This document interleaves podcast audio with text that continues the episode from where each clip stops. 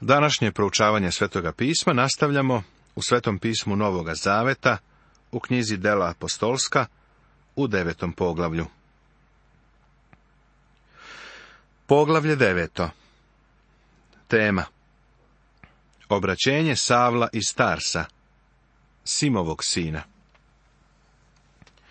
Ovo poglavlje nam govori o sljedećem izvanrednom obraćenju – Obraćenje etiopskog evnuha se desilo u kolima. Obraćenje Savla i Starsa se zbilo u prašini. Verovatno je na putu za Damask jahao na malom magarcu, pa je pao direktno u prašinu. Kada dođemo do poslanice Filipljanima, obradit ćemo teološki, psihološki i filozofski aspekt obraćenja Savla i Starsa. Ovde se bavimo samo činjenicama onoga što se desilo na putu za Damask. Obraćenje Savla i Starsa A je još uvek ispunjen pretnjom i ubistvom protiv gospodnjih učenika, pristupi prvosvešteniku, pa izmoli od njega pisma za sinagoge u Damasku, ako nađe neke pristalice ove nauke, ljude i žene, da ih svezane dovede u Jerusalim. Kada je progonstvo prodrlo u Jerusalim, crkva je bila u ilegali. Apostoli su ostali u Jerusalimu, ali su se mnogi drugi vernici razbežali. Vidimo da je Filip u Samariji i duž mediteranske obale. Pokretač svega ovoga bilo je Stefanovo kamenovanje. Za njim je usledilo progonstvo. Ostale verske starešine su bile zadovoljne kada su hrišćane istrao iz Jerusalima. Bili su spremni da se na tome zaustave, ali ne i Savle i Starsa. On je odisao pretnjom i ubijanjem. Mrzeo je Isusa Hrista. Mislim da gospod Isus Hristos nikada nije imao većeg neprijatelja među ljudima, nego što je to bio Savle i Starsa. Savle je otišao kod prvosveštenika i rekao, Vidi, čuo sam da je jedna grupa tih ljudi pobegla u Damask, idem za njim. U stvari, nameravao je da ih progoni gde god da krenu. Cilj mu je bio da istrebi hrišćene. Ali kada se putujući Damasku približio, obasja ga odjednom svetlost sa neba, te pade na zemlju i ču glas kako mu govori, Savle, Savle, zašto me goniš? Pavle će o ovom događaju prepričavati još dva puta u delima apostolskim. U stvari, Pavle se nikada nije umorio od prepričavanja svoga obraćenja. Vidjet ćemo kako o tome stalno govori u poslanici Efescima, gde odmah prelazi na samu srž i priča šta mu se stvarno desilo. Ovde nam se samo navode činjenice. On će ih ponoviti kada pred carema gripom bude davao svedočanstvo. Taj govor je remek delo. On pak reče, ko si gospode? A on, ja sam Isus, koga ti goniš. Primećuješ li ovde Savlovo neznanje? On je verovatno bio najbriljantniji čovek toga doba. Verovatno je diplomirao na univerzitetu u Tarsu, najvećem grčkom univerzitetu toga doba. Bio je učenik u školi Gamalila, jevrejskog učenjaka. Detaljno je bio obučen i naučen o judejskoj religiji. Ali nije poznavao gospoda Isusa Hrista. Ko si ti, gospode? Prijatelju, poznavati Hrista predstavlja život. Savle ga nije poznavao.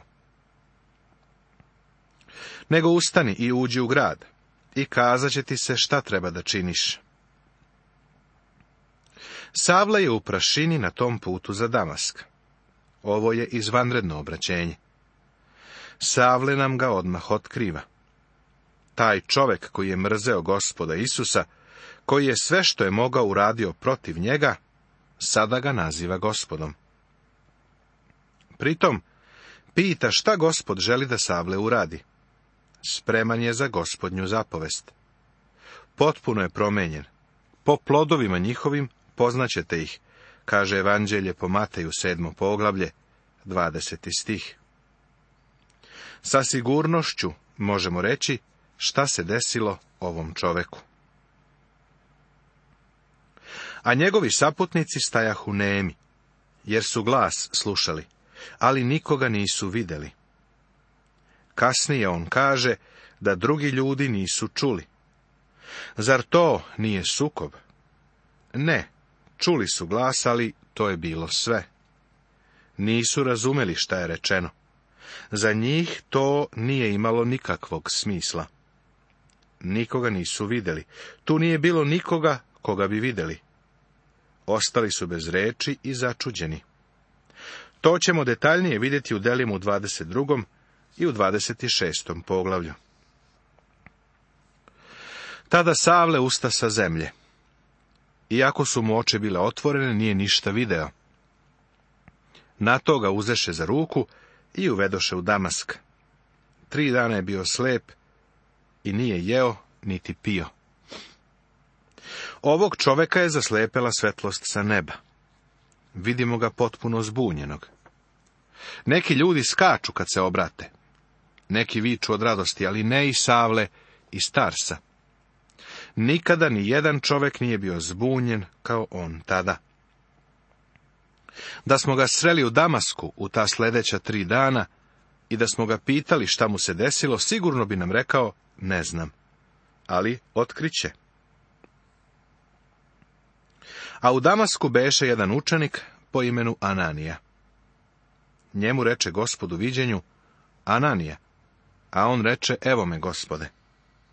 Gospod pak njemu, ustani i idi u ulicu koja se zove Prava, pa potraži u judinoj kući Taršanina po imenu Savla, jer vidi, on se moli Bogu. I Savle u viđenju ugleda čoveka po imenu Ananiju, gde uđe i stavi ruke na njega, da progleda. Savle iz Starsa, sjajan mladi čovek sedi u tami izbunjenosti. Duh Boži dolazi kod drugog čoveka, kod Ananije, i šalje ga kod Savla i Starsa. Ananija pak odgovori. Gospode, čuo sam od mnogih za toga čoveka. Kolika zla je počinio tvojim svetima u Jerusalimu. Pa i ovde ima ovlašćenje od prvosveštenika da sveže sve koji prizivaju tvoje ime. Na tomu gospod reče, idi, jer mi je on izabrano oruđe, da iznese moje ime pred mnogobošce i kraljeve i sinove Izraeljeve. Ja ću mu na ime pokazati koliko treba da pretrpi za moje ime. Bog navodi dva razloga zbog kojih je pozvao Savla. Savle je bio izabrani Boži sud za dve stvari – Prvo, trebalo je da razglasi ime Isus.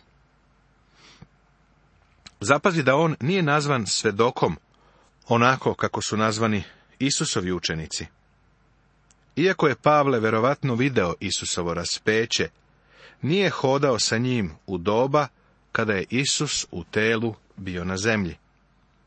O njemu zaista ništa nije znao, sve do tog dana na putu za Damask sada treba da pronese ime Isus. To isto ime mi danas treba da razglasimo, ime Isus. Pred tri različite grupe ljudi treba da iznese ime Isus. Pred neznabošce, careve i sinove Izraelove. Neznabošci su prvi na spisku. Pavle će postati veliki apostol neznabožaca. Zatim carevima pojavljivaće se pred carevima, među kojima je verovatno bio i Neron, i na kraju pred izraelskim narodom. Kada Pavle uđe u neki grad, uvek krene od jevrejske sinagoge. Sinagoga će postati njegova odskočna daska za ulazak u društveni život grada. Otuda će dosezati neznabošce, ali prvo će ići jevrejima. Drugo, gospod je rekao da će Savlu pokazati šta sve treba da pretrpi za gospodnje ime. On je izabran da pretrpi za gospoda Isusa. Po mojoj proceni, niko nikada nije trpeo za gospoda kao apostol Pavle. Niko od nas se ne usuđuje da kaže trpim više od ostalih. Zašto gospod to dopušta? mi možda stvarno trpimo, a možda samo mislimo da trpimo više nego što stvarno trpimo. U svakom slučaju, niko od nas ne trpi kao što je apostol Pavle trpeo za gospoda. Dok sada posmatramo ovo divno obraćenje, možda se sećaš da sam rekao da je za obraćenje potrebno da duh sveti koristi Božju reč preko Božjeg čoveka. Da li se ovim dokazuje i iskreno obraćenje Savla i Starsa? Gospod Isus se Savlu lično javio. Pre nego što je otišao od svojih učenika, gospod im je rekao da će otići, ali da ih neće ostaviti sirotne. Obećao je da će poslati svetoga duha. A evo šta će duh sveti učiniti on će me proslaviti, jer će uzeti od mojega i javiti vam. Sve što otac ima moje je. Zbog toga rekoh da će uzeti od mojega i vama javiti, kaže Evanđelje po Jovanu 16. poglavlje, stihovi 14. i 15. Mislim da kada se Vaskrsli gospod javio Savlu lično, Duh sveti je Savlu otvorio duhovne oči, a zatvorio fizičke, da bi uspeo da vidi gospoda Isusa. Tako, sveti duh je svakako bio na delu. Šta je sa Božjom rečju? Kako je ona upotrebljena u Savlovom obraćenju? Savle i Starsa je bio farisej. On je mnogo znao o Božjoj reči. U stvari, ako je ikada postojao neko zasićen Božjom rečju, bio je to Savle iz Starsa. Dok čitamo njegove poslanice, postaje nam očigledno da je vrlo dobro poznavao Stari Zavet. Sveti duh i Božja reč delovali su pri Savlovom obraćenju. Kako čovek može reći da je Bog upotrebio Božjeg čoveka kao instrument da dosegne Savla? Iako u to vreme čovek Boži nije bio tamo, verujem da je Bog upotrebio nikog drugog do samog Stefana, da bi dosegao Savla. Ova dva mlada čoveka, Savle i Stefan, sreli su se jednom. I to onda kada je Savle stajao sa gomilom koja je ubila Stefana. Stefan je pogledao ka nebesima i rekao, vidim otvoreno nebo i Isusa kako tamo stoji. Vidi dela apostolska sedmo poglavlje, 56. stih. Savle starsa starsa je pogledao u nebo i nije ništa video. Zatim je pogledao u Stefanovo lice i znao je da Stefan stvarno nešto vidi. Verujem da se Savle stvarno trudio, da će se nebesa otvoriti i da će i on imati viziju Boga. To se desilo na putu za Damask. Isus Hristos mu se otkrio. Verujem da Bog koristi ljude kao instrument za obraćenje svakog pojedinca. Iako ti ljudi možda nisu prisutni u trenutku tog obraćenja. Zato uvek, u svakom trenutku, treba da se oslonimo na uticaj gospoda Isusa Hrista. Nedavno sam primio pismo od čoveka koji je berberin. 20 godina je imao stalnu mušteriju. Jednom prilikom kada je ta mušterija ustala sa stolice i htela da plati šišanje, pitala je Berberina. Da li ste ikada slušali na radiju doktora Megija? Berberin je rekao da nije. Potom je mušterija otišla po svoj radio i pustila stanicu na kojoj se naš program čuo u tom gradu. Rekao je svako jutro u osam sati. Slušaj ga. Bio je to posljednji put da su se ta dva čoveka srela. Mušterija je za dan dva umro. Pogađaš kraj priče. Berberin je počeo da sluša naš program. Već ga je dve godine slušao, a tek onda mi je napisao pismo. Upoznao je Isusa Hrista kao svoga spasitelja. Ljudski instrument u njegovom obraćenju bio je njegov stari mušterija. Doktor Scofield je čovjek koji je izdao Scofieldsku Bibliju. Pre svog obraćenja bio je istaknuti međunarodni advokat, ali je imao problem što je strašno pio. Imao je pobožnu majku koja se za njega stalno molila. Umrla je pre nego što se doktor Scofield obratio. Jednom prilikom doktor Sperry Čefer se molio sa doktor Scofieldom. Rekao nam je da je čuo kako je doktor Scofield rekao. Gospode, ako moja majka ne zna da sam se obratio, molim te kaži joj. Bog koristi ljude za obraćenje svake osobe, iako ta osoba možda nije prisutna u momentu tog obraćenja. Mislim da se čovek ne može obratiti bez drugog čoveka kao instrumenta. Zašto onda ti ne bi bio takav instrument? To ne znači da nekoga treba da spustiš na kolena. To prosto znači da mu odneseš radosnu vest o Isusu Hristu. Bez Božijeg čoveka koji koristi Božiju reč, usmerenu Božijim duhom, nema pravog obraćenja. Da se vratimo Savlu iz Starsa, tamo gde smo ga ostavili na putu za Damask. Još uvek tamo sedi usamljen i slep i moli se. Sjajni mladi čovjek je još uvijek nakon obraćenja zbunjen. Sada se duh Boži javlja Ananiji i šalje ga da pomogne Savlu. Tada Ananija ode i uđe u kuću, te stavi ruke na njega i reče, Savle, brate, gospod Isus koji ti se javio na putu kojim si dolazio, poslao me je da progledaš i da se napuniš duha svetoga. Kakva promena? On je još uvek Savle i Starsa, ali je sada brat Savle.